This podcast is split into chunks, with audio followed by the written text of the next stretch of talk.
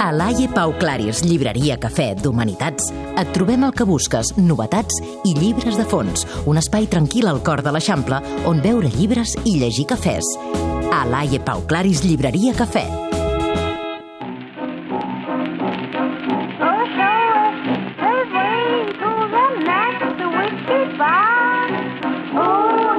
Un cabaret, amics, un cabaret elèctric. Ja ho sabeu, cada nit de dijous de 9 a 10 del vespre i ha arribat el moment dels llibres en aquest cabaret. Eh, un cabaret una mica trotinat, si m'ho permets. Anna Pentinat, bona nit. És clar, bona nit. Ja portes dues setmanes venint, eh? Ja, ja, ja. No ja. sé què està passant aquí. Hi ha aquí, uns eh? endolls molt estranys, eh? Unes coses molt fortes. Avui ens vens a parlar d'un llibre, eh, que a més a més és un llibre fet per una periodista d'aquesta casa, la Sí, Victòria senyor. Palma, que és musicòloga i locutora de Catalunya Música, però és que clar, ens serveix perfectament per parlar d'u- d'un tema que ens interessa molt. Així Ens en interessa general. i tant, perquè Femení i Singulars és un llibre que són du- 12 biografies de dones relacionades amb la música, dones Mhm. creadores, eh, o bé lletristes, o bé compositores, o bé intèrprets i relacionades amb la música. Llavors, aquest, eh, aquestes biografies és per explicar, eh, ja ho diu el títol, femení i singular, de dones que moltes vegades van treballar, podríem dir, de negres per altres, I tant. que moltes vegades no se les va doncs, donar la categoria que mereixien, no només de la música clàssica, sinó de, de molts àmbits, oi? Sí, sí. Per exemple, estàvem parlant ara, bueno, estàvem sentint l'Otelènia, no?, que, que és la última biografiada i és una passada la vida de, de l'Otelènia, que va ser la dona de Kurt Weill i una, una actriu, es veu que la gent que, el- que la veia era totalment espectacular en el sentit de que no s'assemblava res, que era super, molt, molt especial. Eh, una dona que, que va començar, es va començar prostituint amb 11 anys a Viena i que, i que després va acabar fent papers de prostituta i deia, ostres, que bé que ho fa, no? I ella, sí, mira, Alguna cosa sé, algo, algo alguna sé cosa sobre sé el tema. I, I que després, doncs, va ser... Bueno, van Estem tenir... parlant de l'any 32, eh? Sí, sí, sí, sí, sí, sí. 30, a Sí, Viena, sí. finals... I llavors després va anar a Berlín, va conèixer Kurt Weill, van fer una parella artística molt, molt, molt fructífera i... I de fet ja veieu com és el món, que tothom sap qui és Weill, eh? i en canvi no tothom sap qui és Clar, l'Otelènia. aquesta cançó, eh, la, aquesta versió quasi ningú la coneix, no? Perquè tothom coneix la dels Dors, no? La, Ah, la, l'Alabama la típica, Song. la l'Alabama A veure si la Song. reconeixem, un moment. had you in a style. I had you, I had you, I had you in a style. Costa, eh?, de reconèixer, Clar, home, pràcticament. però mira... eh, Oh, A veure...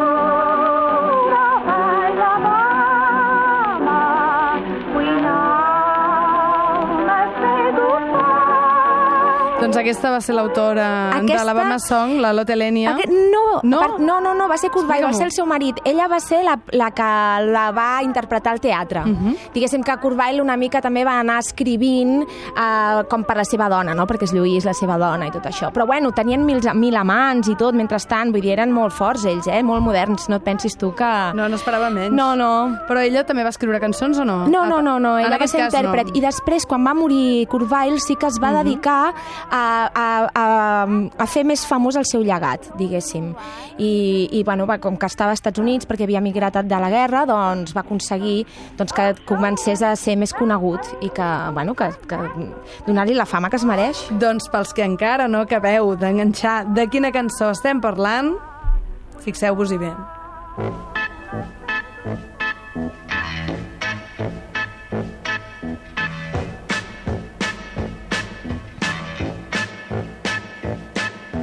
Show me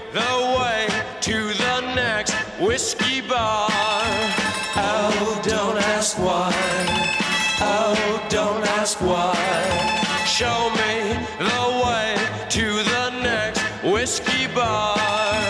Oh, don't ask why. Oh, don't ask why. Doncs parlem d'aquest femení singulars, aquest llibre fantàstic que ha editat la gent de Huygens Editorial i que, i que ara doncs, anem a parlar d'una altra dona també molt, molt, molt famosa, Edith Piaf, però d'una dona que li feia les cançons a Edith Piaf, no? Exacte.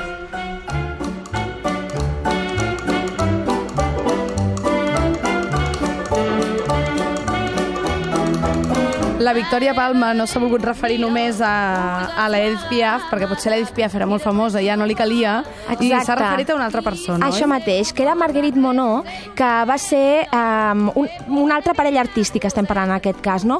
Però en aquest cas purament, eh, diguéssim, artística. Um, Marguerite Monod uh, va ser una noia que havia sigut una, una gran promesa del piano, una nena prodigi, uh, que havia estudiat amb els millors de París,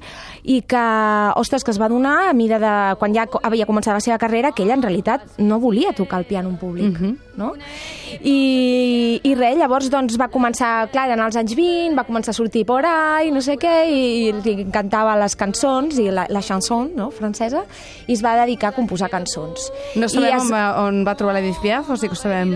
es van En trobar por ahí de algun- marxa, en es van algun- trobar En algun bareto fosc. prenent, exactament, prenent absentes segurament. I, bueno, la, bueno, era anomenada la Guit, no? I llavors, ostres, la, la història és que elles dues, bueno, ella va, va ser l'autora d'aquesta cançó que estem sentint, de Milor, no?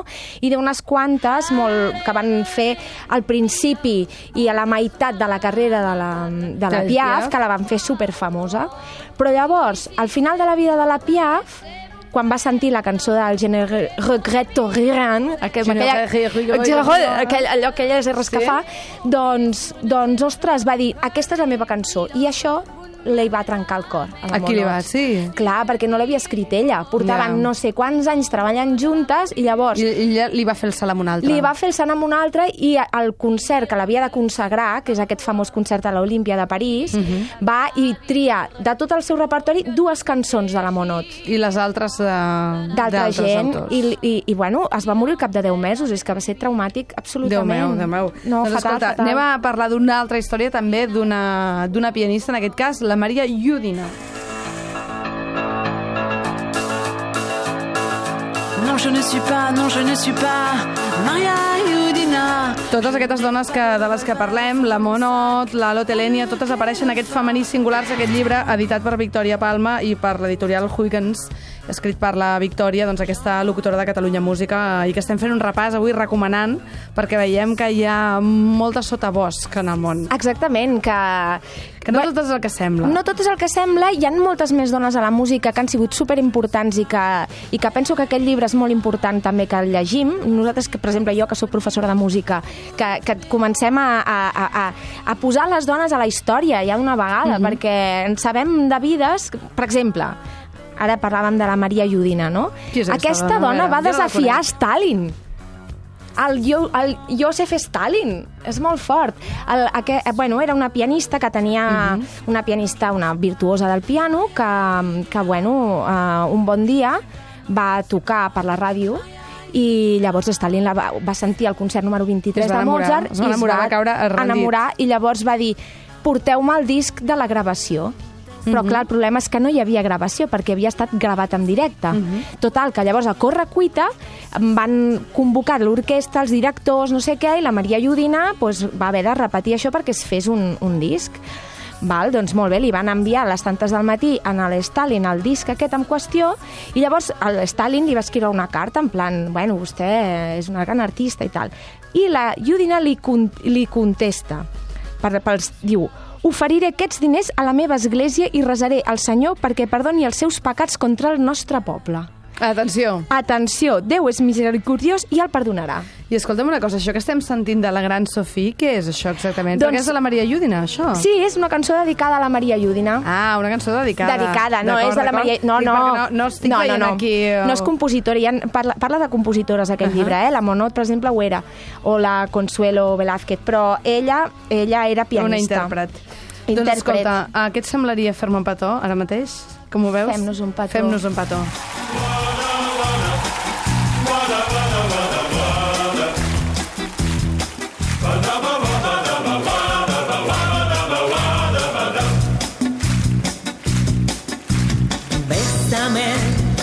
Bésame, mucho amb una versió ben curiosa. Sí, perquè jo he vo- he volgut aquí lligar-te al rus, no? Estan parlant de Rússia. Bésame mucho amb més cor militar rus. Sí, és molt fort. I si veus el vídeo et tronxes, perquè de cop i volta tots aquells, aquells estalinitos amb, amb, amb, amb, amb maraquetes són molt forts. Escolta'm, qui ho va sí. fer això? O de qui és culpa el Bésame mucho? El Bésame Estàs dient que també és culpa d'una dona? És d'una dona, Consuelo Velázquez. Sí, sí, la Chelo Velázquez, que va escriure un munt de boleros, com per exemple aquest, Bésame mucho, Amar y vivir, o Cachito, Cachito. Cachito mío. Cachito mío, que resulta que ella la va escriure pel seu fill, no? El Cachito, no? Un trocito. Sí. Però llavors el règim franquista ho va identificar com que Qui era, va censurar? Era una, perquè era una mica sexual. era el membre masculí. De veritat? Per ells, sí. Cachito Quina ment mío... més perversa. Ment perversa, absolutament, i tant. tant.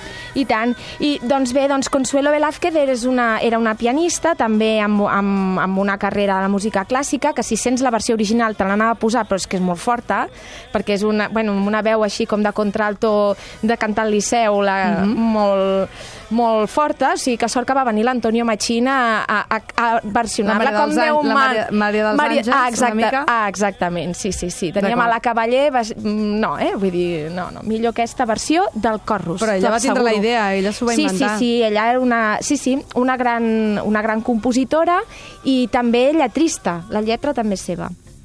Doncs això, eh, es veu que la Chelo Velázquez també treballava a la ràdio i que tocava i deien que era un músic prestigiós europeu i ella, pobra, era jove i mexicana i, i en fi...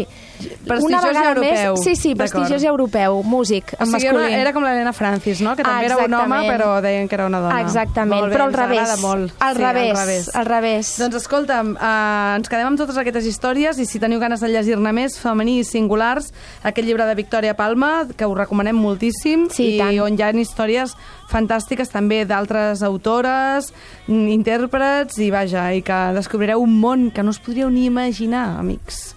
Moltíssimes gràcies, uh, Anna Pentinat. Gràcies, Montse. Toca la tecla en un altre lloc. Et Vinga. deixem que vagis a tocar la tecla en un altre D'acord. lloc. Tengo miedo perderte, perderte después.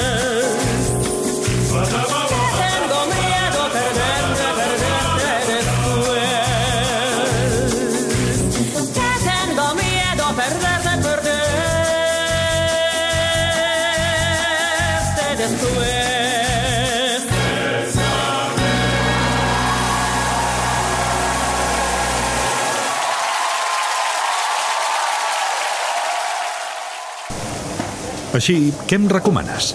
Mira, jo crec que t'hi has de llançar i provar alguna cosa nova. Posa una mica de passió a la teva vida. Fes un viatge, viu una aventura. Va, vinga, fem un cafè? A Laia Pau Claris, llibreria Cafè, hi trobaràs totes les històries que busques.